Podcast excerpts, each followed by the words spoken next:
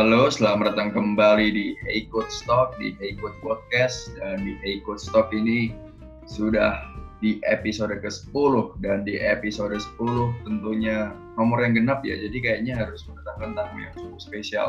Kalau kalian lihat, kalau para pendengar Hey Coach Podcast lihat di judul nih, ada taktik, filosofi, terus featuring ruang taktik. Nah, di sini sudah ada Mas Faiz dari Ruang Taktik. Halo Mas Faiz. Halo, halo, halo Mas. Apa kabar nih? Iya baik nih Mas. Nah Mas Faiz sendiri apa kabar nih? Ini domisili lagi di mana nih Mas, Mas Faiz? Hmm, Alhamdulillah baik juga. Saya lagi, saya di Bali sih domisilinya di Denpasar. Oh di Bali. Kalau Mas ya. Dharma di mana nih?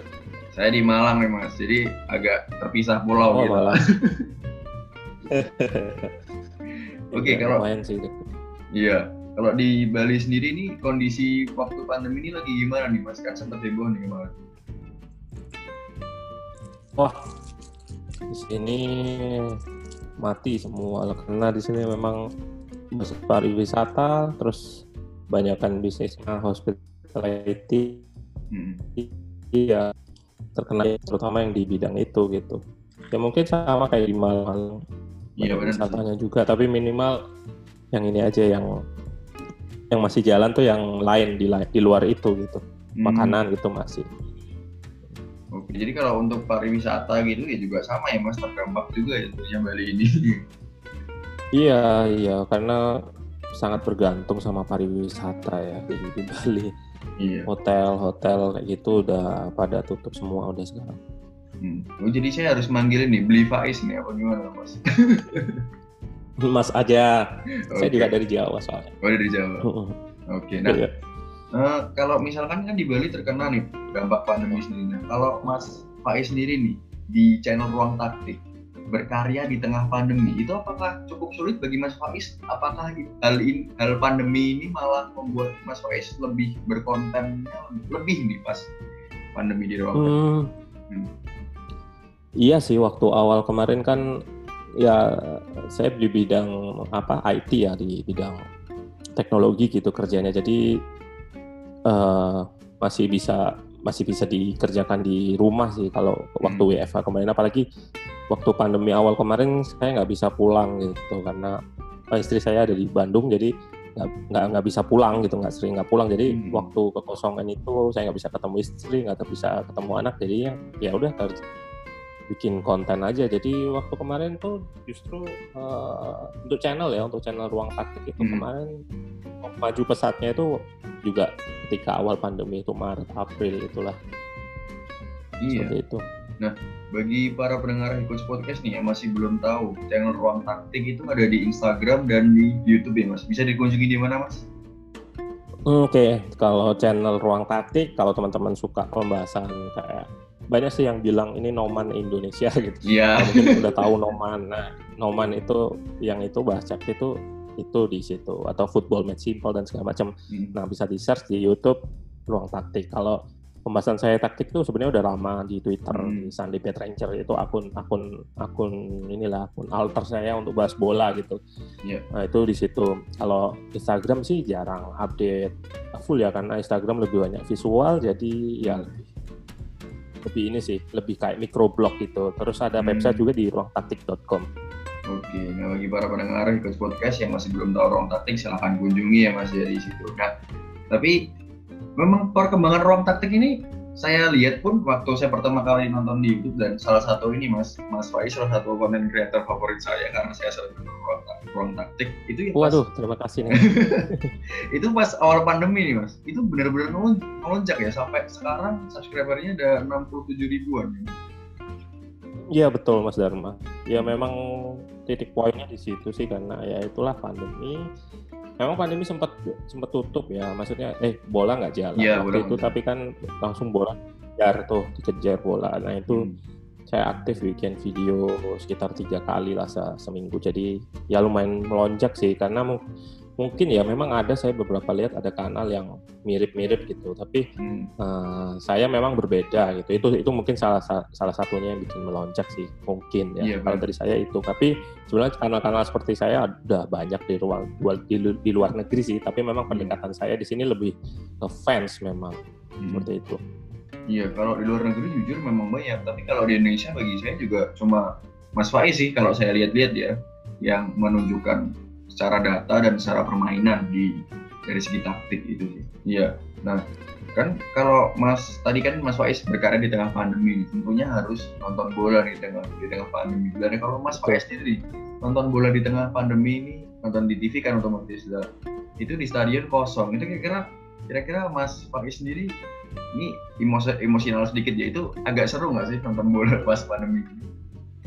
Hmm, seru nggak seru ya maksudnya saya nggak terlalu terlibat emosional secara fans itu enggak sih saya hmm. udah melepas apa ya ibaratnya udah untuk bisa menganalisis seperti di channel ruang taktik itu memang harus objektif ya Benar. jadi ya beberapa persen aja sih ininya apa uh, berkurangnya gitu nggak nggak se mungkin ada yang ngerasain sampai sepi sekali nggak nggak kayak gini tapi kalau saya sih biasa aja tapi karena memang uh, apa ya beberapa kanal di luar negeri itu kan bisa bisa ngeluarin itu audio dari dari stadion itu. Itu sebenarnya cukup sedikit membantu sih untuk ini. Cuman ya memang ada hal yang berkurang. Cuman buat saya pribadi untuk menikmati pertandingan dari perspektif analisis itu taktik terutama itu nggak nggak seberapa pengaruh gitu.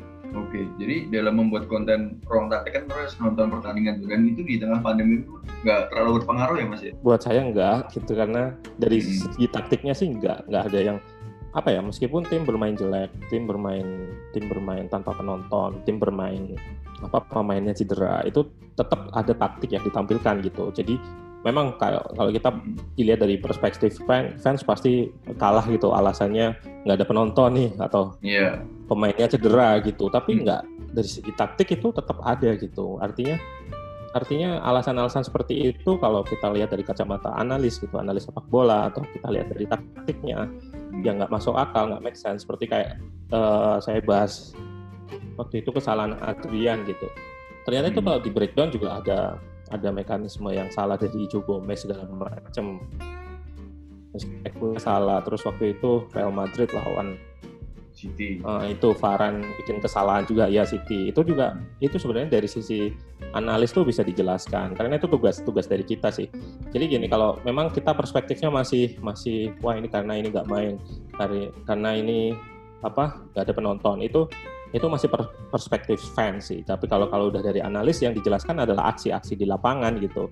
Apa sih aksinya ya ketika Varane mundur lebih mundur atau si hmm. Courtois terlalu dekat atau gimana itu harus kita jelasin gitu. Bukan nggak mungkin lah analis di tingkat klub gitu. Itu candaan saya gini ya kalau misalkan manajer manajer nanya gitu, apa sih yang bikin kita kalah tadi? Oh, oh si Varane blunder Pak gitu atau uh, ini ini nggak nggak becus ngumpan gitu nggak mungkin seperti itu sih kalau hmm. kalau kita analis benar-benar jelasin sih aksi-aksinya itu dan yang menarik ini ada salah satu postingan dulu gue baca gue lupa apa nama apa nama apa situsnya apa nama jasanya hmm.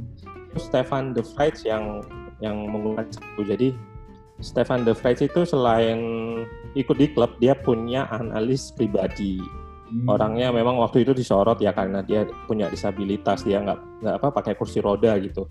Hmm. Tapi dia bisa mendirikan sebuah kayak analis gitu, jasa konsultasi. Nah itu digunakan oleh pemain-pemain Eropa, pemain-pemain pro terutama. Jadi jadi ya se, sebegitu ininya uh, analisis di dalam performance atau performance analisis dalam sepak bola gitu. Sampai pemain ada yang mengambil jatah untuk dapat analisis dari uh, jasa konsultasi lain karena kalau dari klub kan biasanya waktunya mungkin terbatas setelah pertandingan atau sebelum hmm. pertandingan hmm. aja gitu kalau kita lihat Manchester City itu ada dokumenternya itu sebelum pertandingan dia yeah. ada kelas analisisnya ada gitu nah itu itu sih kalau kalau dari kacamata analis itu. Iya, jadi dalam kacamata analis sendiri ini ya Mas tidak terlalu mementingkan apa namanya uh, ada penonton atau tidak ada penonton kan tentunya karena yang di apa analisa adalah permainan gitu kan Mas. Iya betul. Jadi permainan meskipun ini yang mungkin jarang ya waktu di channel channel channel apa kanal YouTube saya pun jarang. jarang. Kenapa Liga 1 nggak pernah di di apa nggak pernah dianalisis gitu kenapa nggak pernah ini terus banyak yang jawab itu nggak ada taktiknya gitu sebenarnya ada gitu ada ada saya pun uh, tahun 2018 saya analisis Liga Shopee Liga 1 gitu 2018 hmm. itu saya analisis sekitar 10 lebih lah pertandingan dan memang itu untuk untuk bahan internal dari PSSI sih. PSSI punya performance unit gitulah nah itu saya di, diminta freelance lah ibaratnya. Analisis ada 10 sampai 15 pertandingan ya saya jelasin gitu. Bisa di breakdown tapi memang level pemahamannya beda dengan nah. luar negeri gitu. Nah itu tapi kalau ditanya ada taktik nggak sih? Ada, ada gitu. Tapi ya itu ah, perbedaannya itu dari level pemahaman terus aplikasinya terus eksekusinya gameplaynya itu ya berbeda sekali karena kita lihat sendirilah Indonesia kita levelnya berapa gitu. Iya. Dari situ aja lah parameter yang paling gampang untuk ini untuk me mengukur gitu. Sejauh mana sih tiga apa taktik di Liga satu itu?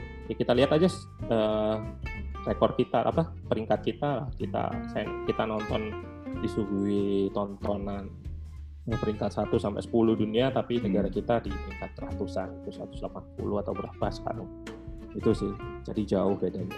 Iya, jadi juga tidak boleh mengekspektasikan dan menyamakan ya Mas. Apa antara Liga 1 dengan liga-liga di Eropa ya tentunya karena sudah ya levelnya masih jauh. Gitu kan? Iya betul. Hmm. masih jauh kan. Kita masih jauh lah masih jauh. Hmm. intinya gitu sih. Kalau teman-teman minta nanyain ke karena saya juga nggak nggak mau sih. Maksudnya ngejelekin negara sendiri atau hmm. analisis nanti ya isinya isinya juga terlalu uh, nunjukin aslinya juga bahaya buat saya juga sendiri. Iya benar. Uh, karena saya juga pernah dimaki-maki itu sampai padahal saya cuma bahas di Twitter gitu. Hmm. Nah, ya tapi kayak gitulah itu udah buat buat saya sih udah cukup lah. Belum makanya dengan ruang taktik ini sebenarnya saya mau edukasi pelan-pelan gitu. Nggak hmm. belum saatnya saya bahas Liga 1, tapi ketika nanti subscriber saya mungkin udah banyak terus atau dari subscriber kaya itu kan saya inginnya bentuk community kan bentuk komunitas di di subscriber saya itu. Nah di situ teredukasi pelan-pelan udah lama nanti minimal bisa ngelihat lah ngelihat pertandingan dari perspektif analis. Nanti ketika saya menyuguhkan konten Liga 1 atau timnas itu mereka bakal oh iya iya iya seperti itu. Jadi nggak nggak ada denial gitu. Ketika di, di kekurangannya ini denial nah, gitu saya juga nggak mau bias sebenarnya tapi ya uh, nanti aja lah saya saya belum belum terus terang saya juga nggak nggak pernah nonton timnas yang U19 belum belum pernah hmm. seperti itu Iya, tapi rencana tentunya ada ya Mas. Nah, tapi kalau apa namanya kita membahas dari pribadi Mas Faiz sendiri nih, intermezzo sebentar. Kalau Mas Faiz sendiri nih, hmm. ini nonton bola pertama kali itu kapan? Apakah masih ingat Mas? Terus yang membuat jatuh cinta sama sepak bola itu apa? Apa tuh Mas kalau boleh tahu? Hmm, saya agak lupa sih, tapi yang berkesan buat saya itu ya hmm.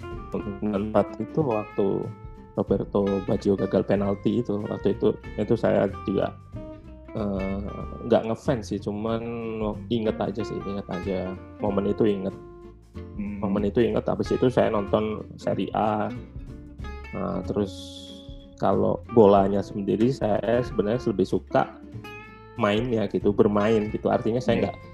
nggak kayak hard di satu fans itu karena saya dulu juga seri A juga suka. Ketika Lazio jaya juga saya juga suka Lazio hmm. gitu. Tapi ketika udah nggak ada ya udah nggak ngikutin lagi gitu. Artinya saya nggak nggak di titik berat di satu fans itu aja sih. Tapi saya suka permainannya dari sisi memainkannya. Dulu saya yes saya suka memang nggak sempat ngicipin pro gitu. Tapi yeah. dari waktu bermain tuh saya udah udah concern gitu akan hal-hal yang bersifat nah, meskipun meskipun dulu bukan taktik ya tapi saya selalu bertanya kenapa pemain teman saya nggak bergerak seperti ini? Tapi kenapa saya ke sini hmm. dia nggak nggak ke sini? Gitu. Atau apa sih yang salah di sebuah di ketika saya main itu? Meskipun levelnya cuma tarkam ya. Yeah. kayak gitu sih mas. Oke jadi membuat jatuh cinta dengan sepak bola Mas Faiz ini karena melihat permainannya ya? Seperti pergerakan? Karena hmm. karena saya suka suka main gitu saya yeah. suka bermain terus ada suatu momen waktu itu saya pernah dilatih sama uh, waktu itu entah pelatih fisik dari klub pro gitu atau apa gitu atau pelatih apanya yang jelas dia masuk jajaran staff hmm. um, mungkin lagi libur atau apa saya nggak tahu terus disuruh ngelatih kampung gitu kan Nah di latih kampung itu uh, ya biasalah bermain seperti biasa. Saya juga bermain seperti biasa. Nah waktu itu saya dipermain, dimainkan di posisi yang nggak nggak natural saya gitu, nggak bukan bukan saya gitu. Yeah. Bek kanan gitu waktu itu uh, itu udah mengalami tiga bulan saya latihan tanpa pegang bola. Jadi waktu itu tanpa pegang bola. Nah dari situ waktu sparring itu ternyata saya ditaruh di bek kanan itu saya bisa crossing bagus gitu hal yang saya sendiri juga nggak nggak nggak saya sadarin gitu. Nah itu itu sebuah momen yang bikin saya ini juga sama pelatih sih, maksudnya respect gitu, respect sama pelatih. Terus hmm. sekarang pun saya saya nggak nggak nggak setuju dengan istilah miskin taktik diberikan kepada siapa pun gitu, hmm. diberikan kepada siapa pun saya nggak setuju karena yaitu tadi untuk level yang tarkam aja, yaitu memang staff apa pelatih pro ya memang jadi hmm. dia bisa menaikkan. Waktu itu ketika saya kumpul dengan teman SMA saya, langsung teman-teman saya bilang, kok kamu masih kuat lari dan segala macam. Ternyata ya itu berkat gemblengan dia tiga bulan, terus nggak pegang hmm. bola, terus menempatkan saya di posisi yang nggak natural, tapi bisa tahu gitu saya punya kemampuan seperti itu. Nah itu itu kan salah satu kehebatan pelatih ya. Buat saya itu itu salah satu momen juga yang bikin saya respect kepada pelatih sampai sekarang sih seperti itu. Ya jadi Mas yang menarik tadi Mas Faiz ini apa namanya tidak pernah menginginkan kalau pelatih itu dibilang miskin taktik ya. Padahal banyak banget hmm. yang ngomong oleh miskin taktik lah, ini miskin taktik lah, kalau hmm. miskin taktik. Jadi kalau Mas Faiz ini ya enggak apa namanya respect sama pelatih sebegitunya ya Mas. Iya sebegitunya karena ya itu hmm. tadi saya level di staff aja seperti itu gitu. Terus kemudian ketika saya nyoba ruang taktik itu terus saya dikumpulin hmm. di grup yang isinya teman-teman analis juga ada pelatih itu itu sering share dan sering Indonesia ya ini ya yeah. sering hmm. share dengan hal-hal yang yang menurut saya oh, itu sangat sangat bagus sekali ya maksudnya sangat bagus sekali. Hmm. Kebetulan kan saya dekat dengan manajer akademinya bukan deket sih maksudnya saya sering dapat kayak pekerjaan freelance seperti itu juga dari manajer akademinya Persija waktu itu coach hmm. Ganesa nah, coach Ganesa itu udah ke mana-mana ya artinya mungkin studi banding dan segala macam akademinya boleh saya bilang itu akademi akademi terbaik ini mengesampingkan nama dari Persija mungkin teman-teman yang dengerin.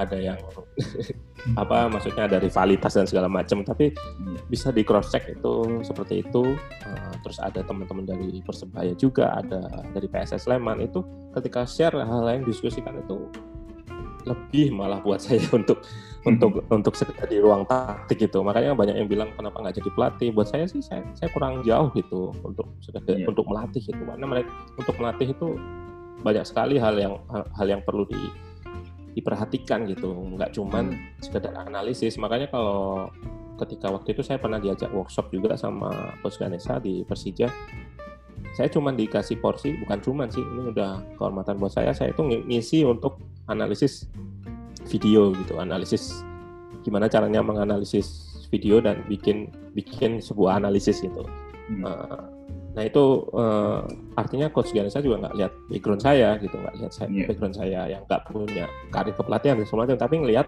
apa yang udah saya share selama ini ya dimasukin di bahan workshop itu gitu itu hmm. itulah uh, sebenarnya banyak orang-orang yang bagus gitu di, di Indonesia ini tapi mungkin akses ya akses tapi kalau hmm. kebetulan coach EP tersebut uh, ya udah udah di Manajer Academy sih udah di PSSI juga di waktu era Danurindo dia masuk ke dalam itunya juga uh, Ya, artinya artinya itu tadi balik lagi ke masalah miskin taktik. Saya rasa nggak ada pelatih yang miskin taktik sih kan. Tapi sepak bola itu multifaktor ya. Jadi ketika taktiknya nggak jalan itu bukan karena miskin taktik atau itu kan menurut saya terlalu terlalu hiperbola ya, terlalu berlebihan kan. Miskin itu kan saya berarti kan nggak punya taktik itu. Nah, yeah. Ya sebenarnya taktik tuh punya mereka mungkin gameplaynya nggak sesuai atau pemain eksekusinya sesuai hmm. eksekusinya itu yang sering saya tekankan hmm. antara uh, gameplay sama eksekusi atau bisa jadi penyampaiannya pelatihnya yang yang bermasalah. Nah, ini ini hmm. ini ya uh, betul. Ini yang yang perlu ditekankan sih pelatih-pelatih seperti Pep Guardiola terus uh, apa ya pelatih top ya Jurgen Klopp itu pendekatannya hmm. berbeda ketika menyampaikan uh, materi bisa eksplisit bisa implisit gitu ketika ada ketika dia bikin game model nih misalkan kucing-kucingan atau rondo itu. Rondo. Hmm. Itu buat kita kan rondo itu ya sekedar hmm. biar aku nggak dapat bola aja, biar nggak jadi di tengah gitu. Hmm. Tapi sebetulnya itu di dalam situ itu ada ada banyak hal yang di banyak hal yang dipelajari. Salah satunya ya ketenangan membawa bola gitu. Terus kapan melepas bola, jangan lawannya belum mendekat kita kucing-kucingan karena takut jadi kan kita lepas bola duluan. Nah itu itu yang yang salah yang salah di kucing-kucingan kita di Indonesia. Hmm. Uh, mungkin ya di level kampung mungkin yang saya alami gitu. yeah. Itu sebenarnya ada ada ada ininya. Nah itu filosofinya Pep itu kan uh, move the ball, eh move the opponent, move the opponent not the ball. Hmm. Artinya uh, gerakan musuh kamu bukan gerakan bolanya. Jadi percuma kita ya bayangin aja satu orang lawan satu orang nih umpan-umpanan tiki taka atau dalam tanda kutip bilang tiki taka gitu umpan-umpanan tapi musuhnya nggak ngejar gitu. Bayangin aja kondisinya seperti itu gitu. Itu yeah. bakal ini bakal useless gitu. Mm-hmm. Nah, itu itu sebenarnya yang yang apa? komunikasi itu yang paling penting sih. Komunikasi itu paling penting buat saya. Itu yang yang membedakan level manager antara yang tadi mungkin dibilang tanda kutip miskin taktik sama hmm. uh, yang kayak taktik itu level di komunikasinya. Gimana caranya dia bikin model latihan, terus menjelaskan analisis, terus segala macamnya itu bisa diterima dengan pemain tuh itu yang yang membedakan sih. Seperti iya. itu. Ya memang rumit menjadi seorang pelatih ini karena dari skill hmm. teknis maupun non teknisnya juga ada ya Mas. Nah, tapi kalau dari Mas Faiz sendiri, apa kan kalau klub favorit tadi kan nggak ada nih Mas. Tapi kalau pemain atau pelatih hmm. favorit ada nggak kira-kira sebagai seorang analis? uh, sebenarnya saya juga udah berhenti sih, udah berhenti menyukai satu pemain gitu karena mm-hmm. ya menurut saya nggak abadi ya, karena pemain-pemain kayak Francesco Totti itu mungkin satu dari yeah. ribu gitu, mm-hmm. Maldini itu kan uh, mau di satu klub gitu jadi rata-rata kayak oke okay, ambil kita ambil contoh lah Messi oke okay, Messi masih masih di Barcelona kita bisa terus terus suka sama Messi tapi kalau contoh lah, rivalnya Cristiano Ronaldo gitu kita suka Cristiano Ronaldo nah, jadi suka MU misalkan yeah. terus kita ke Real Madrid jadi suka hmm. Real Madrid terus kalau kita Juventus gitu kayak kayak apa ya kayak kita sering di diduain atau dikecewain gitu misalkan hmm. kok pindah-pindah sih gitu nah kayak gitu jadi saya nggak terlalu suka sih tapi kalau pelatih uh, balik lagi saya itu tipenya musiman ya bisa dibilang karbitan yeah. jadi yeah, kalau yeah. klub ya klub juga sama seperti itu klubnya lagi bagus ya, saya suka nonton gitu pelatih pun sama tapi kalau menurut saya yang di era saya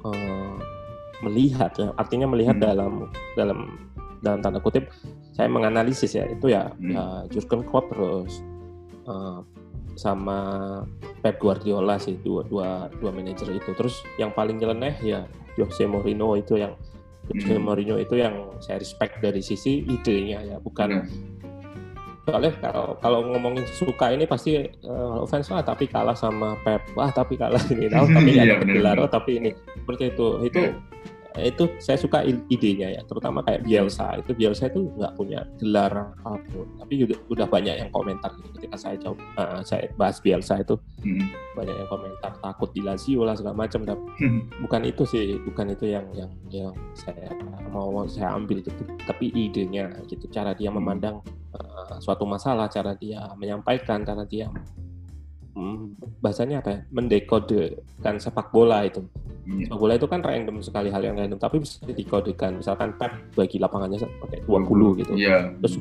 terus Guardiola apa si si Bielsa Bielsa. Uh, revolusionernya dia bikin pemain itu harus punya dua posisi uh, lain di posisi naturalnya. Misalnya fullback nih, fullback kan dekat sama center back. Jadi fullbacknya itu harus bisa di center back gitu. Selain itu juga bisa harus harus bisa di DM gitu. Jadi biar gerakannya nggak lurus gitu. Waktu itu ada pepatah yang bilang kalau kalau manajer lain itu misalkan naruh naruh gelas gitu, gelas kopi dikasih kopi. Nah, biasanya ini nggak gelas kopi dikasih teh. Nah, hmm. uh, ibaratnya gitu sih waktu itu. Nah, itu salah satu manajer yang saya kagumin sih dan mereka punya punya ini masing-masing gitu. Iya. Kelebihan masing-masing. Iya. Maka dari itu ya Marcelo Bielsa ini dijuluki Eloko kan juga mas. Iya betul ya. Eloko. Nah, tapi kan biasa. jadi intinya Mas Faiz tidak ini dong, tidak memiliki manajer favorit, tidak memiliki pemain favorit dan tidak memiliki klub favorit yang secara mendasar. Dan apakah hal-hal tersebut yang membuat Mas Faiz ini terinspirasi untuk membuat membuat ruang taktik ya yang tadi untuk menge- mengedukasi dan lebih objektif. Hmm, iya itu salah satu anu ya sa- salah satu keuntungan saya sih bisa bisa bisa bisa objektif itu gitu. Karena gini sih, saya ingat pepatah eh, pengetahuan mengikis fanatisme gitu. Eh, misalkan ya, eh, ketika dulu saya misalkan suka Lazio gitu, tapi ketika saya eh, mencari tahu gitu, mencari tahu tentang Francesco Totti gitu, segala macam, saya jadi respect gitu. Padahal Lazio sama Roma kan ya terkenal ini kan maksudnya rivalitas antar kota gitu, seperti itu. Nah saya coba di hal-hal seperti itu, eh, ketika saya nggak suka sesuatu, saya coba sih pelajarin apa sih yang yang bikin eh, orang-orang suka terhadap hal ini gitu. Itu itu yang yang yang membuat saya itu pegangan saya sih pegangan saya eh, ya menjalani bukan menjalani hidup sih untuk di sepak bola ini. Jadinya jadinya saya eh, lebih objektif itu sih untuk untuk melihat atau menilai menilai lah menilai suatu tim menilai suatu klub gitu. Seperti itu mas. Oke, nah untuk menjadi objektif tuh, waktu di awal-awal bikin ruang ta- ruang taktik nih mas di video-video di ruang video, apakah waktu itu menemui kesulitan atau karena kalau objektif jadi nggak ada yang nonton atau malah enggak tuh karena malah banyak waktu di awal-awal dan kesulitannya apa nih kira-kira? saya sih saya sih saya sih waktu itu ya belum tahu ya kalau saya itu Hmm. objektif gitu artinya Hmm. artinya ya selama saya bikin analisis selama bikin ini waktu itu ya sesuai apa yang ini jalan pribadi Dipikirkan. saya aja gitu waktu itu nggak nggak sepik nggak nggak saya nggak saya titik beratkan saya harus objektif gitu tapi Hmm. waktu itu ya feedback kayak seperti Mas inilah bilang objektif gitu Hmm. feedback dari Komentar. penonton, feedback dari Hmm. ya komentar-komentar itu bilangnya seperti itu. Jadi eh, menurut saya sih secara nggak sengaja sih seperti itu. Tapi di sisi lain saya juga nggak objektif sebetulnya. Maksudnya di, Hmm. dari sisi ini misalkan saya membahas nih eh, yang paling sering balik, banyak nonton nih MU misalkan. MU pun ketika saya bahas di kalau di channel ya saya bahas itu pasti kemenangan dan kelebihan gitu nanti saya selipin kelemahan itu sedikit sekali. Tapi kalau di Twitter saya pasti saya pasti ngeritik gitu karena Hmm. beda nih audiens di YouTube Benar. sama di Twitter gitu. Kalau di Ya. Twitter lebih inilah lebih lebih bisa nerima dan lebih terbuka lah teman-teman untuk diskusi gitu. Dan kebetulan memang view apa apa yang paling sering banyak nonton kan MU gitu. Benar. Ketika saya bahas di YouTube ya saya belum pernah sih tapi sedikit oh berapa kali sih YouTube maksudnya ketika mau MU kalah dan segala macam saya tahu resikonya itu bakal nggak ditonton atau bakal Hmm. ada ada komentar yang jelek dan tapi buat saya itu untuk ini untuk untuk subscribers yang dalam arti subscriber apa ya subscriber apa ya Setia asli atau- lah bilang Hmm. yang sejati lah ibaratnya. Ya, Jadi setia. dia pengen Hmm. nonton, iya loyal ya setia gitu. Memang dia pengen tahu sih kelemahannya apa gitu. Iya. Contoh nggak nggak nggak cuma MU aja sih Chelsea juga saya saya bahas waktu itu. Itu view-nya sangat sedikit sekali gitu. Apa yang harus dilakukan Chelsea gitu kelemahan kelemahannya apa. Eh, menurut saya padahal waktu itu padahal waktu itu saya bikinnya cukup ini ya cukup cukup teknis gitu. Ya, cukup detail terus saya juga nonton banyak pertandingan terus nggak klipnya juga nggak klip itu maksud saya nge capture itu banyak juga. Tapi itu ya di luar maksudnya saya saya ada perasaan kecewa gitu ketika penontonnya sedikit gitu. Tapi buat saya ya itu untuk untuk untuk fans yang ibaratnya sejati gitu ada, ada- mereka butuh seperti itu sih. Butuh asupan Iya, asupan benar. yang ibaratnya nggak enak gitu pahit tapi buat mereka pengen tahu gitu apa sih kenapa sih gitu. Ya, itu ada gitu. Itu sisi nggak objektif saya ada tapi nggak saya coba imbangin. Tapi memang kalau untuk membahas kemenangan sih saya pasti bahas kemenangan. Hmm. bahas bah- bahas tim yang lagi menang gitu. Ada yang enggak itu porsinya sedikit sekali Iya. Ya intinya ini ya mas pahit tapi jujur lah minimal dari channel ruang taktik ini kan. iya betul tapi nah di apa namanya di situ kan tadi kesulitannya Mas Faiz tadi kalau menyesuaikan lah audiens tapi kalau dari segi YouTube-nya sendiri di ruang praktek ya kita bahas ini kalau dari segi copyrightnya itu apakah sulit tuh mas? Oh sulit sekali itu, sulit sekali kalau hak cipta itu kalau ngomongin hak cipta ini agak ini sih agak tricky ya maksudnya. Benar. Hmm, hmm, waktu itu saya juga waktu workshop di Persija itu ada yang nanya itu oh, cara dapetin match, cara dapetin ini itu kan berkaitan dengan hak cipta gitu saya nggak bisa nge-share bahkan di Twitter pun saya nggak pernah kalau ditanya itu nggak pernah nge-share tapi kadang teman-teman tuh ada yang ada yang reply itu hmm. Reply seperti itu. Itu lagi karena ini masalah hak cipta itu saya nggak bisa nyebarin gitu loh nggak bisa nyebarin gitu. Tapi kalau teman-teman pandai artinya sedikit inilah sedikit inisiatif itu hmm. gampang kok dan dan itu ada banyak itu untuk menemukan apa kata kuncinya itu dan ada banyak nggak cuma satu gitu. Nah ini kejadian ini saya cerita juga nih ada yeah, source yang source yang buat saya itu hidden games bukan hidden sih banyak yang belum tahu tapi saya udah pernah share itu. Uh, waktu itu karena saya share waktu itu karena dia ini sih karena dia nyarin pertandingan-pertandingan yang lawas gitu. Artinya hmm. mungkin masih nggak ada yang kena cipta itu si Footballia nah ini, ini saya share juga nih teman-teman footballia.net tapi saya nggak tahu sekarang jadi apa. Nah itu kena kena itu kena copyright gitu loh. Hmm. dan memang waktu itu yang like di tweet saya itu banyak. Nah ini bukan bukan karena saya yang nge-share sih maksudnya selama lama sejak itu dia dia setnya itu down nggak bisa diakses karena hmm. karena copyright padahal dia cuma nayangin pertandingan pertandingan lama gitu tapi itu sangat apa ya sangat sangat ini sekali ya buat kita kapan lagi kita menonton Piala Dunia tahun 90 80 gitu. Nah, hmm. itu suatu source yang bagus sekali. Harapan saya sih teman-teman kalau punya ya udah ditonton aja, keep aja jangan diusahakan dengan source atau apa hmm. gitu. Takutnya takutnya ini kalau pertandingan yang lain teman-teman pakai inisiatif apa? Cobalah dikulik-kulik inisiatif keywordnya itu apa nanti ketemu. Nah, kalau di konten saya sendiri udah ada belasan teguran hak cipta. Ini yang banyak sih konten kreator yang mau ngikutin gitu, ngikutin hmm. tanda kutip mungkin mau bikin konten kayak saya juga mungkin atau mungkin nanya gitu, nanya cara cara ininya, cara ngakalinya gitu. Jawaban saya saya capture gitu, hak cipta ini. Ini video saya terbaru aja kena gitu. saya pun nggak ngerti gitu. Artinya artinya saya pun nggak punya formula khusus gitu untuk untuk untuk ngakalin ini gitu. Jadi di video-video saya pun kenapa kadang kenapa kadang uploadnya itu terlambat, publishnya itu terlambat. Hmm. Itu karena itu saya biasa biasa tinggalin satu hari atau kalau memang terlambat banget ya minimal 4 jam lah, 4 jam, 3 hmm. jam itu saya saya publish itu. Karena saya pernah udah view-nya udah 50 30 apa 4 50 gitu. Di kena copyright padahal itu udah udah saya tunggu 2 jam saya publish gitu. Udah yang nonton 30-an tiga puluh ribu lebih hmm. atau kena copyright gitu. nah itu kan habis itu bagiannya itu nggak bisa dipotong gitu, nggak bisa dipotong. Hmm. Jadinya ya udah lah saya pusing waktu itu ya udah biarin lah. Jadi saya delete aja yang lama. Iya, yeah. karena copyright di YouTube ini bagi saya terlalu tricky dan subjektif dan guideline-nya ini nggak jelas bagi saya ya, tapi nggak tahu kalau bagi okay. pendengar yang lain. Nah, nah, terus bagi Mas Faiz nih membuat tips apa tipsnya membuat video analisa ini untuk apa ya membalance antara ini copyright, ini saya pengen berkreasi dan ingin menganalisa. Itu kira-kira batasnya tipis atau gimana mas caranya tipsnya untuk membuat video analisa di YouTube? Ya betul, hmm. Be betul sih.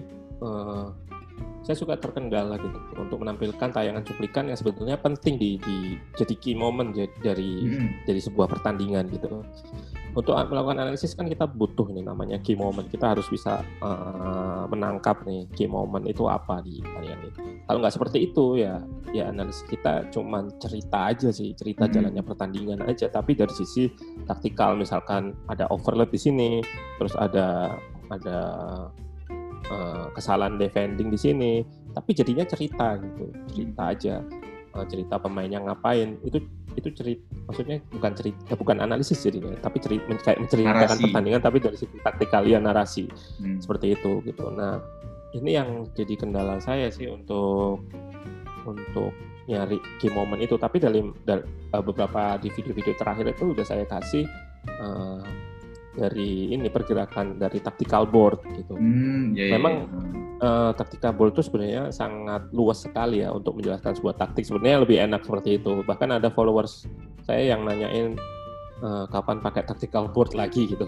karena konten-konten yang lama saya pakai itu kan gitu. Hmm. Mungkin dia nggak bisa nggak bisa karena ini ya uh, kita nonton di TV pun nggak kelihatan kan pemain-pemain belakangnya. Nah itu perlu dijelasin sama board. Nah untuk key momentnya yang yang mungkin yang yang sedang yang kayak di Mas Maksud tadi hmm. uh, bertabrakan sama copyright itu saya lagi lagi belajar sih belajar caranya ngakalinnya sih itu itu yang lagi lagi saya ini yang lagi saya coba dalam sekarang gitu terus selama ini saya masih uh, ngasih capture aja capture gambar atau disertai cuplikan yang terpotong gitu ya harapan saya sih penonton mendengar gitu tapi karena nggak ada feedback yang seperti Mas ini uh, pertanyaannya bagus sekali ya karena ada ada kayak gitu gitu. Tapi hmm. selama ini komentar komentar saya uh, yang komentar tuh nggak hmm. nggak hmm. ada yang sampai nanya sedetail itu gitu.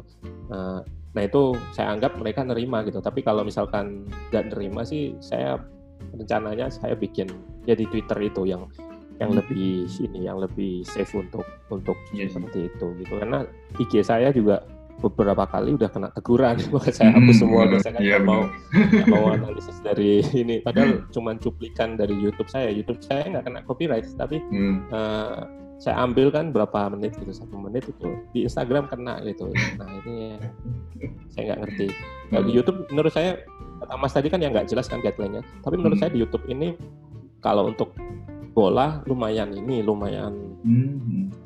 memang strict memang tapi dia jelas ya dia jelas uh, konten-konten apa saja sih yang nggak boleh itu uh, tayangan apa aja sih yang nggak boleh itu mungkin karena saya main di bola ya karena tahu jadi mm-hmm. jadi tahu gitu yang dia nggak boleh yang yang diperbolehkan itu terutama kayak gol itu saya jarang sih masukin gol itu karena itu rawan sekali gitu kena ya, tapi kalau cuplikan uh, pertandingan apa kayak itu aja itu ya semoga aja sih enggak. Dan karena selama ini saya selalu nyoba gitu. Kalau misalkan nggak dapet itunya ya saya hilangin gitu aja saya ditulang.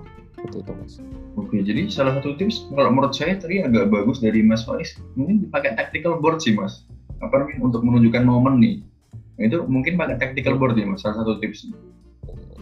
Iya betul. Tactical hmm. board itu kendalanya di kalau untuk menjelaskan dengan visualisasi yang menarik itu habis waktunya di editing saya saya gitu. Jadi uh, apa ya untuk mekanisme pergerakan itu belum belum nemu software yang yang gampang seluas kayak saya menggerakkan tactical board uh, manual gitu. Nah itu saya belum nemu dan dan memang itu butuh butuh effort sih buat buat ini. Jadi kebanyakan untuk tactical board itu saya pakai untuk menjelaskan mekanisme membentuk sebuah uh, struktur ya kayak ini yang mau saya tekankan lebih apa apa ya yang masih jadi miskonsepsi dari teman-teman itu soal formasi sih soal formasi hmm. ini kan formasi ini kan sangat cair sekali ya. Nah ini kebanyakan teman-teman masih terpaku gitu sama formasi. Misalkan 442 kalanya sama 433 gitu.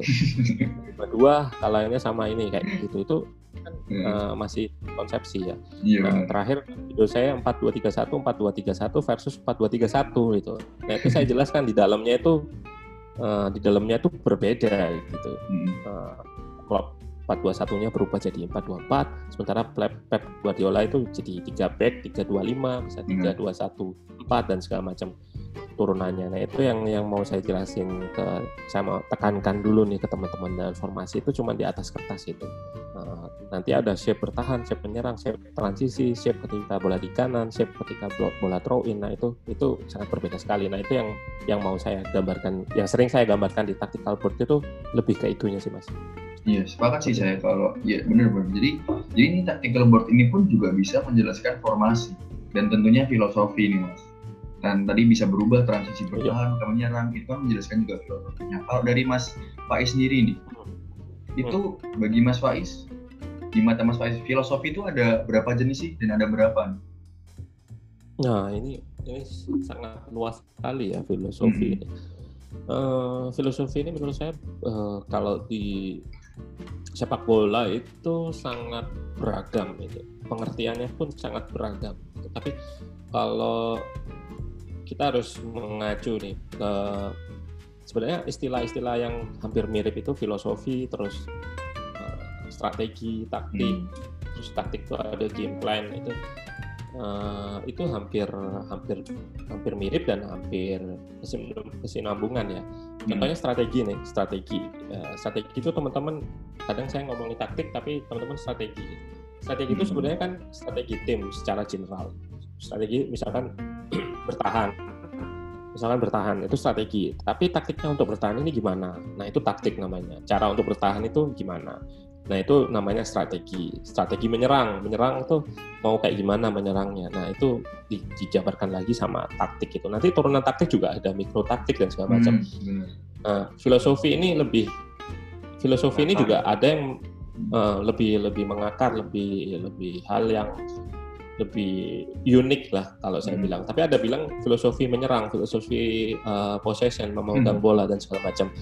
Uh, kalau menurut saya sih filosofi ini lebih ke ke arah klub ya, ke arah klub atau ke arah hmm. manajer itu gitu. Misalkan Pep Guardiola nih, filosofinya kan semakin memegang bola, semakin banyak peluang yang didapat ya, gitu. Ya, uh, itu filosofi dasarnya sih paling hmm. mendasar dia nggak mau kehilangan possession gitu. Nah itu itu terlihat terlihat sekali dari cara dia melatih, cara dia memainkan, terus cara dia memposisikan atau yang disebut posisional itu itu hmm. positional play itu itu itu Pep Guardiola gitu. Nah, tapi kalau kita bicara ke belakang gitu jauh ke hmm. era era Johan Cruyff, uh, itu udah dibawa, dibawa sebenarnya sama Johan Cruyff itu Uh, makanya kita kalau ngomongin filosofi, taktik dan segala macam ini nggak bisa sih kita ngomongin dulu-duluan gitu. Hmm. Karena sering saya bilang high pressing gitu. Nah, high pressing itu kan udah dipakai sama ini, ada komentar seperti itu. Hmm. Nah, uh, apa misalkan possession itu kan sebenarnya udah didului sama si Guardiola apa si Johan Cruyff gitu. Mm-hmm. ada komentar seperti itu. Sebenarnya nggak bisa ngomongin dulu duluan sih. Saya bilang saya boleh bilang kalau false nine ya yang duluan itu tahun 1950 itu. Saya selalu dua di buku Inverting the Pyramid itu udah ada. Mm-hmm. Nandor Hidek Putih namanya itu udah udah pakai false nine gitu si apa saya lupa timnya itu uh, Yugoslavia kalau nggak salah saya lupa pokoknya Eropa Timur ya itu hmm. itu udah pakai false nine nah makanya kalau teman-teman mau dulu duluan itu sebenarnya harus baca Inverting the Pyramid itu sih itu, yeah, itu yeah, awal yeah. mula formasinya PEP bahkan formasinya PEP pun itu dipakai di WM itu metode itu tahun 1930 40-an itu udah udah ada tapi sekarang balik lagi uh, pemolesannya gitu untuk memperbaiki jadi lebih detail lebih baik nah itu itu nggak nggak ada di zaman dahulu gitu. Seperti tahun 74 total football itu high pressing. Tapi high pressingnya nggak terstruktur seperti yang dilakukan Pep Guardiola. Apa soal yeah. Jurgen Klopp misalkan. Ya kayak ter terkesan cuman uh, asal-asalan. Nah itu yang harus hmm. kita pahami dulu. Kita ketika ngomongin filosofi ketika ngomongin ini balik lagi ke filosofi ke manajer atau klub klub itu saya bisa bilang nih kayak Burnley gitu Burnley tim, yeah. tim di Inggris itu tim yang filosofi sendiri juga Wolves gitu. Punya filosofi uh, Burnley ya. Burnley itu filosofinya ya bermain long pass gitu jarak jarak apa umpan jarak jauh mengandalkan. Hmm. target man bahkan ada dua target man di sorry, di Burnley. Jadi uh, filosofi itu nggak bisa dinilai baik atau buruk tapi sesuai apa enggak gitu sama sama sebuah tim gitu. Efektif atau enggak gitu. Buat Burnley bermain long ball, bermain long pass itu efektif gitu. Karena disesuaikan dengan kondisi tim, terus pemain-pemain yang ada gitu seperti itu. Nah, kita misalkan filosofi terbaik, misalkan possession gitu, misalkan ya. nah, bisa nggak bisa kita aplikasikan ke ke Burnley, Burnley gitu. Benar. Nah, ini balik lagi nanti ke Indonesia. Kayak timnas saya kaitkan nih, Indonesia hmm. itu kan punya Villanesia gitu, filosofi bola Indonesia gitu. Hmm. Nah ini teman-teman harus harus baca harusnya nih harus baca itu dulu biar tahu nih apa apa apa itu filosofi Indonesia hmm. dan segala macam. Di situ dijelasin prinsip-prinsip permainan itu seperti kelebaran, terus uh, compact dan segala macam, terus uh, gimana seharusnya Indonesia bermain hmm. itu itu ada. Memang nggak secara implisit ya apa eksplisit langsung dijelasin itu enggak tapi dijelasin situ uh, apa bermain merapat, bermain melebar itu kapan, terus uh, bangun serangan dari bawah, konstruktif ya, konstruktif dari bawah itu artinya pendek-pendek dari bawah itu itu ada di Villanesia. Nah hmm. hal, -hal kayak gini kan sesuai gitu dengan Indonesia. Nggak mungkin Indonesia nganalin uh, long pass, long pass, long ball hmm. seperti yang terjadi di Liga 1. Ya kenapa Liga 1 bisa gitu? Ya, Liga 1 bisa karena strikernya asing gitu, strikernya asing Terus kenapa nggak mau PR-nya itu kan Liga 1 nggak mau mengadopsi Valencia kan? Bukan nggak mau ya karena Liga 1 ini eh, sangat ini juga apa dituntutannya tuh sangat besar sekali gitu. Benar, benar. Bahkan dari fans, dari segala macam lah, dari hmm. stakeholder ya, di sekitarnya itu tuntutnya segala macam. Jadi nggak ada tim yang mengadopsi Villanesia gitu di, di, di liganya. Inilah yang menjawab kenapa sih liga kita atau pemain yang udah udah U19 sudah bagus gitu. Iya, benar. Terus main di Liga 1 jadi buruk ya. Ibaratnya kalau pem, ikan ya, ikan apa lauhan gitu kita masukin ke kolam ikan mas gitu. ya jadinya ya ya ikutan gitu yeah. atau bahkan bisa mati. Nah, itu itulah yang yang terjadi sih sebenarnya. Secara umum gambaran umum di sepak bola kita seperti itu. Untuk Valencia sendiri ya memang eh, kalau dari praktisi-praktisinya udah bilang kalau ini butuh penyempurnaan, tapi menurut saya itu bagus untuk untuk dasar ya. Tinggal menyebarkan aja sih. Kalau saya lihat sih mungkin di SSB udah udah disebarin ya, tapi ya itu tadilah balik lagi ke pemantapannya ke ke SSB terus di Liga satunya juga harus harusnya ya terutama pelatih pelatih lokal harus harus ini harus memakai itu gitu. Hmm. seperti itu mas untuk filosofi. Hmm. iya bagi saya juga filosofi itu harus diajarkan sejak kecil ya. Terutama juga Vilanesia juga ya kan mas? Betul. Harus diajarkan dari betul SSB untuk agar ya itu namanya grassroots kan kalau filosofi itu. Jadi harus mm -mm. apa ya, betul. ya mengakar gitu ya kan Iya betul. Karena saya pernah lihat ya waktu itu di Twitter sayang sekali saya nggak nggak nih nggak nyimpen gitu. Tapi saya hmm. sempat baca. Jadi sempat ada analis atau siapa praktisi gitu main ke uh, sekolahnya Wolves kalau nggak salah. Wolverhampton. Hmm. Wolverhampton Wanderers gitu. Nah di situ ternyata di kelas yang kecilnya gitu U berapa gitu itu udah dijelasin filosofinya. Filosofi per, filosofi mainnya Wolves gitu. Filosofi mainnya hmm. Wolves senior itu udah dijelasin. Salah satunya yang saya baca itu nggak uh, boleh lawan itu melakukan switch position gitu. Karena Wolves ini kan bermain dengan 5 5 5 2 1 2 atau 5 3 2. Pemain tengahnya cuma tiga gitu. Tiga hmm. ini kalau di switch ke ke sayap satu ke sayap lain, dia harus bergeser jauh sekali karena nggak hmm. punya nggak punya sayap. Nah ini ini udah dijelasin gitu di di breakdown di waktu itu di slide kayak Wolverhampton tuh udah ada uh, salah satunya itu gitu. Yang lain yang lain ya banyak poinnya tapi yang saya tangkap itu ternyata sama gitu.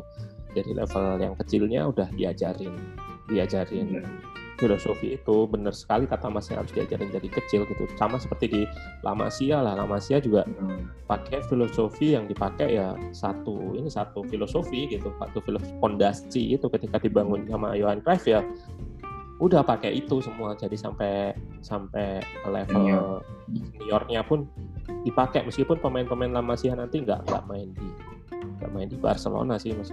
Yeah. seperti itu. Iya sih jadi ya apa harus berkesinambungan ya untuk filosofi sendiri. Tapi nih mas uh, jadi menurut mas Faiz tuh formasi filosofi dan kapasitas sebuah klub itu harus sinkron ya mas. Kalau yang saya simpulkan dari mas Faiz. Hmm. Betul sekali, tapi balik lagi ya, uh, mensinkronkan itu nggak mudah gitu karena benar. Uh, kita boleh kita ambil contoh tadi Burnley, Burnley oke okay lah, oke okay, udah sinkron udah pas gitu sama pas, kapasitasnya klub untuk beli pemain dan segala macam itu udah pas itu. Uh, tapi balik lagi ke tim-tim besar ada yang nggak punya seperti itu. Kita ambil contoh yang paling dekat ini Milan, AC Milan. AC Milan tuh udah mulai mengarah ke situ gitu. Hmm. Udah mulai uh, mengarah untuk bikin saat bikin uh, uh, semua divisi yang terlibat dengan dengan Milan gitu. Uh, ini di sisi teknis ya, itu hmm. di, diberi satu visi gitu, satu satu arah gitu. Yang pertama yang menentukan ya tentu presiden klubnya, presiden klub. Terus ada uh, bagian scouting gitu, scouting pemain.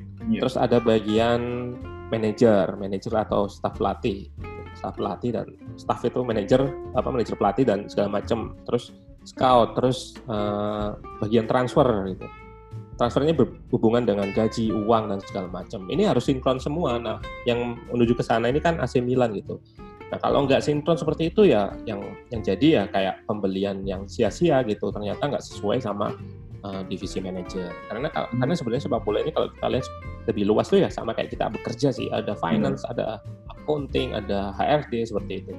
Nah sepak bola itu seperti itu kalau kita ngelihat dokumenter Sunderland, ada hmm. itu atau hmm. apa ya Manchester City, ada udah ada dokumenter-dokumenter nih bagus sekali. Hmm. Uh, itu bisa kita lihat dalaman sebuah klub gitu.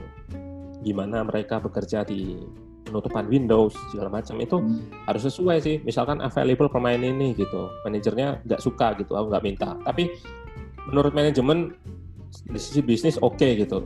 Tapi kan akhirnya untuk uh, untuk memang mengimplementasikan pemain ini atau memasukkan pemain ini ke hmm. dalam suatu sistem dari manajer akhirnya kan kesusahan gitu banyak contoh-contoh yang udah seperti itu gitu contohnya James Rodriguez kemarin di Real Madrid nggak pakai gitu. terus banyaklah pemain-pemain yang akhirnya contohnya banyak mungkin saya nggak terlalu hafal tapi salah satunya itu uh, di musim ini nah yang yang bisa jadi contoh lagi Liverpool Liverpool itu juga kita lihat pembeliannya yang krusial sekali. Ini depan udah oke okay, waktu itu beli salah tapi nggak punya Alisson sama Van Dijk. Mm-hmm. beli beli dua pemain itu akhirnya juara gitu. Nah sekarang yang dibutuhkan Liverpool uh, apa sih untuk membong Liverpool karena dia udah ini nih akhirnya pamornya naik nih pamornya naik yeah. terus tim-tim lain udah udah membaca nih jadi ketika lawan Liverpool kan jago transisi artinya transisi itu kan lawan harus nyerang dulu baru sama Liverpool diserang gitu kan nah hmm. sekarang lawan-lawan Liverpool itu terutama tim kecil udah nggak mau udah nggak hmm. mau mereka main low block semua nah itu dia yeah. beli Thiago Hmm. Thiago menurut saya itu udah tepat gitu. Thiago itu pemain yang bisa ngatur dari posisi yang belakang gitu, belakang sekali belakang sekali jadi nggak uh, belakang sekali maksudnya uh, lebih lebih ke belakang gitu mm-hmm. nanti di depan memang mas, sekarang ini masih Firmino sih tapi ketika Thiago misalkan ada backup di belakang Fabinho dia bisa bermain seperti di pertandingan kedua dia dia bermain bermain lebih naik gitu ketika lawan Everton gitu nah artinya pembelian Liverpool ini yang menurut saya sangat tepat karena itu tadi sih mereka selain ada scout terus ada director of uh, football director of football dan segala manager itu satu suara. Hmm. Nah ditambah mereka punya uh, divisi sense, sense apa gitu. Itu itu itu sangat tinggi juga di sama klub artinya sama manajemen juga diakomodasi uh, penggunaan data science, penggunaan statistik dan segala macam. Itu Michael Edwards itu. Makanya kita tahu pembelian Liverpool tuh uh, pemainnya bisa dibilang aneh, aneh. Tapi tepat sekali kayak Diego Jota. Siapa yang ngira gitu mau dibeli sama mm-hmm. Liverpool gitu. Tapi dia udah kalkulasi hal itu sih menurut saya itu nah ini yang berkaitan dengan pertanyaan Mas tadi harus filosofi sama kapasitas dan segala macam itu mm-hmm. harus harus sinkron iya gitu. tapi kalau membahas tadi deh Mas apa Liverpool yang misalnya contohnya udah mulai kebaca artinya kan seorang pelatih itu dan hampir manajemen juga itu harus melakukan sebuah perubahan apakah taktik yang kebaca itu merupakan faktor salah satu faktor yang membuat pelatih merubah taktiknya. Uh, jadi gini untuk pelatih uh, taktik yang terbaca itu terbaca ini dalam hal apa gitu? Kalau misalkan kita hmm. memang ini banyak sih yang banyak yang nanya itu taktiknya udah kebaca segala macam. Uh, kita ya tahu Liverpool atau Pep Guardiola itu nggak pernah merubah gitu. Artinya uh, lebih permainannya itu lebih pakem, punya pakem. Liverpool pernah nggak ngerubah dari 4-3-3 gitu. Mungkin awal-awal musim dulu klub masih pakai 4-2-3-1. Tapi setelah itu pakai 4-3-3 gitu. Iya. Nah, artinya lawan itu sebenarnya udah ngebaca selama pertandingannya disiarin, selama pertandingannya ada di internet. Ya mereka punya tim analis gitu. Dia udah hmm. tahu gitu cara ngebaca untuk sekedar membaca aja ya. Tapi untuk mengantisipasi itu hal lain. Itu itulah yang yang yang membuat uh, perbedaan gitu klub ini kan sama Pep ini pemain apa taktiknya memang udah terbaca. Tapi untuk mengantisipasinya ini sangat sulit. Karena dia apa? Dia menciptakan suatu uh, mekanisme taktik di dalamnya. Itu yang memang sulit sulit buat di, di, di apa? Diantisipasi gitu Nah, hmm. saya ambil contoh nih kayak video ruang taktik yang sebelumnya. Cara yeah. Pep menyelesaikan crossing dari dari sayap gitu. Itu kan ada tiga gitu. Tiga itu jangan dilihat satu poin aja. Misalkan cutback ini. Ada yang komen seperti itu cutbacknya hmm. dipakai Indonesia di era Indonesia Safri gitu. Nah, jangan dilihat cutbacknya aja gitu. Ketika opsi cutback tertutup, apakah timnas Indra Safri bisa gitu. Nah, Pep ini mengkombinasikan uh, semuanya gitu. Artinya dia memakai cutback, terus memakai tiang jauh kedua, terus memakai uh, apa crossing mendatar. Itu dikombinasikan gitu. Artinya cutback ketutup misalkan oh aku pakai crossing mendatar. Oh crossing mendatar hmm. ketutup. Oh berarti uh, pakai tiang jauh. Oh tiang jauh ketutup semua nih. Biasanya yang paling sering itu adalah penetrasi dari sayapnya. Jadi sayapnya hmm. masuk ke semakin ke dalam tujuannya itu tadi sih move the ball gitu. Eh move the opponent gitu. Hmm. sebenarnya untuk mancing aja. Um, yang rusak shape itu ngerusak orang bertahan itu adalah dribble gitu. Dribble ini balik ke game-game yang terakhir nih Aston Villa. Aston Villa bisa menang lawan Liverpool lawan Arsenal gitu. Arsenal punya struktur yang bagus. Itu karena apa? Dia isinya progresor bola semua itu. Yeah. Jack Grealish uh, Ross Barkley, Barkley. terutama Jack Grealish itu progresor yang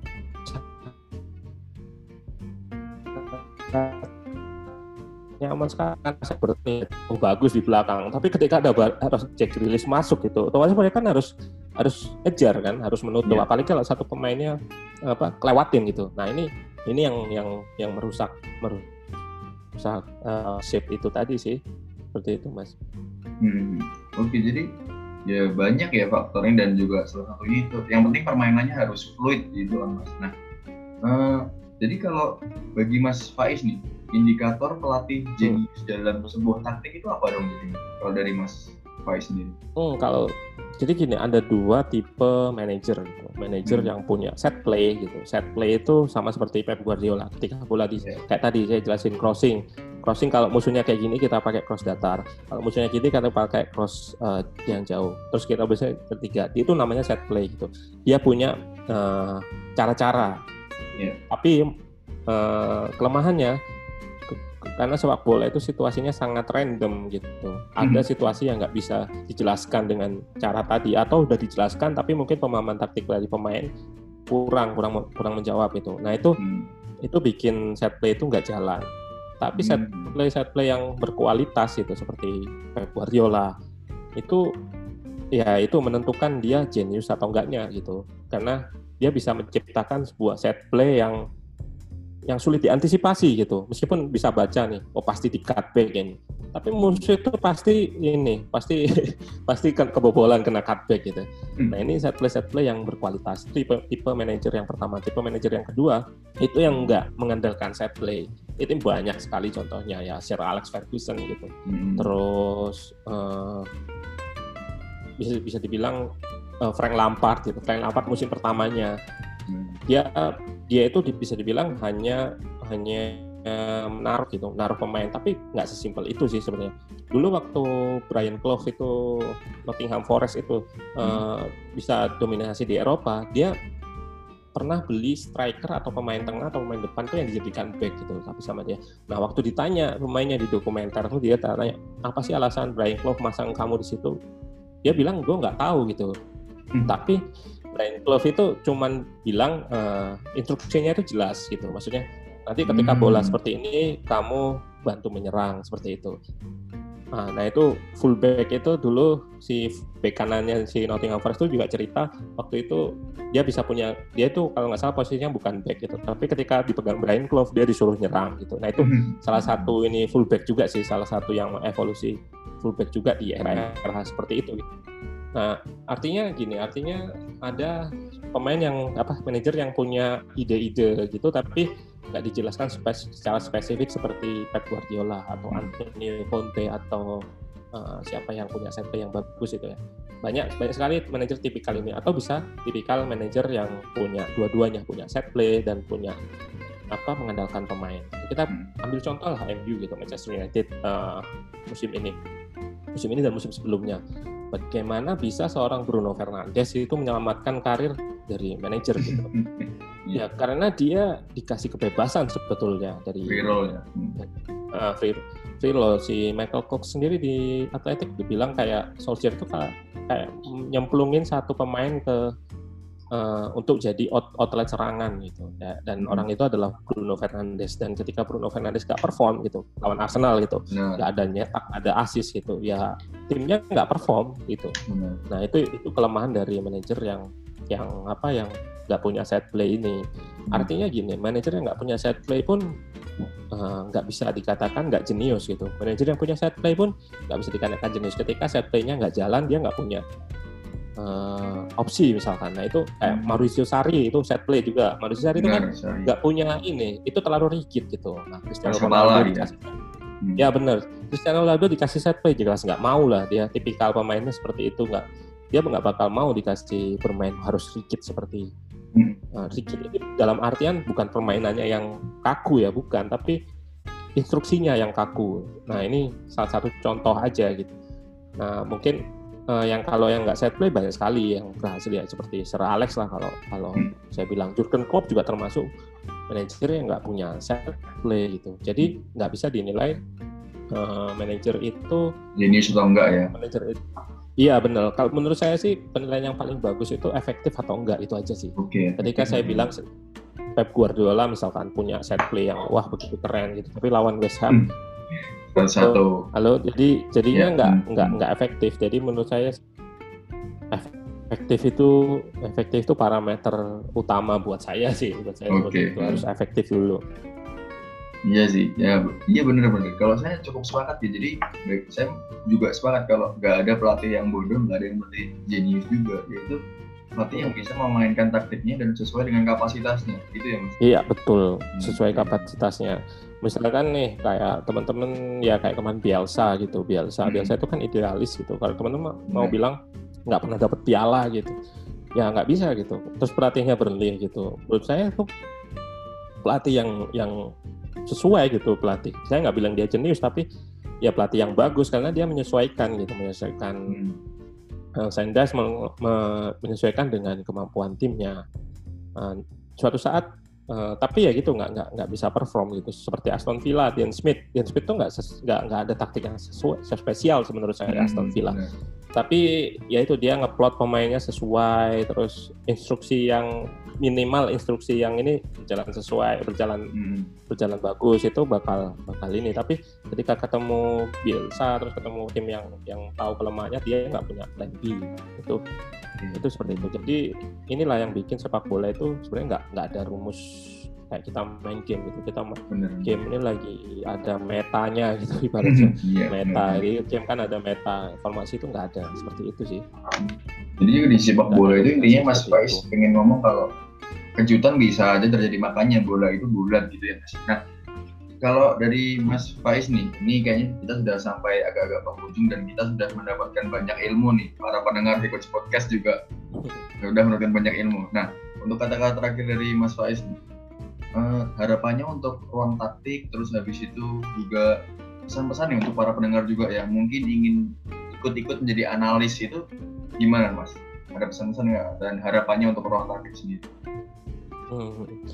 Kalau saya sih um, harapan saya tuh kecil sebenarnya. Maksudnya nggak nggak terlalu besar gitu. Harapan saya sih uh, karena saya saya butuh ya. Saya saya lahir dari fans juga sama kayak teman-teman. Hmm. Maksudnya saya berangkatnya dari fans bukan praktisi gitu. Yeah. Jadi uh, jadi harapan saya sih fans ini ngerti gitu. Artinya uh, kita udah sering kan diributin terutama di, di sepak bola Indonesia ribut antar fans, ribut antar rivalitas segala macam. Saya ini ingin mengalihkan si energi dari teman-teman sedikit untuk membahas hal yang lebih lebih apa ya lebih lebih tek teknis itu. Kita nggak bahas rivalitas dan segala macam ajakan saya seperti itu. Saya bukan bukan yang ngajak teman-teman untuk nggak mencintai klubnya gitu. Iya. atau ini ya. Harapan saya sih seperti itu. Jadi artinya ada teman-teman yang yang apa yang yang aware gitu dengan dengan hal-hal yang berkaitan berkaitan taktik. Dan rock taktik itu uh, harapannya cuma seperti itu sih. Dari kalangan fans aja. Makanya kalau ada yang nanya kenapa nggak jadi pelatih? Nggak nggak jadi itu ya kalau kenapa saya nggak mau ya karena industri sepak bola kita belum belum menjanjikan gitu jadinya benar, benar, saya nggak nggak mau kan karena saya punya punya kerjaan juga hmm. kerjaan sendiri jadi akhir jadi saya nggak saya lebih ke fans fans itu tapi ketika ada pekerjaan freelance atau apa itu saya masih, masih Hmm. harapan ruang taktik cuman itu sih mas. Oke, okay. nah kalau ini mas pesan-pesan untuk para pendengar Hikos Podcast nih, misalkan ingin jadi analis ini apa nih mas pesan-pesan? Oh gitu.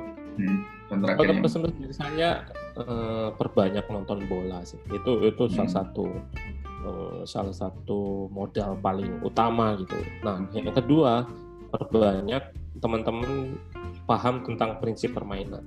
Prinsip permainan ini dipakai di semua sepak bola gitu. Artinya prinsip namanya prinsip ya, namanya prinsip ya dipakai gitu. Gimana cara menciptakan situasi menang jumlah, gimana cara bertahan, gimana cara bertahan satu lawan satu, bertahan lawan dua dua, gimana mempertahankan space di depan, space di belakang. Ini ini semuanya prinsip gitu.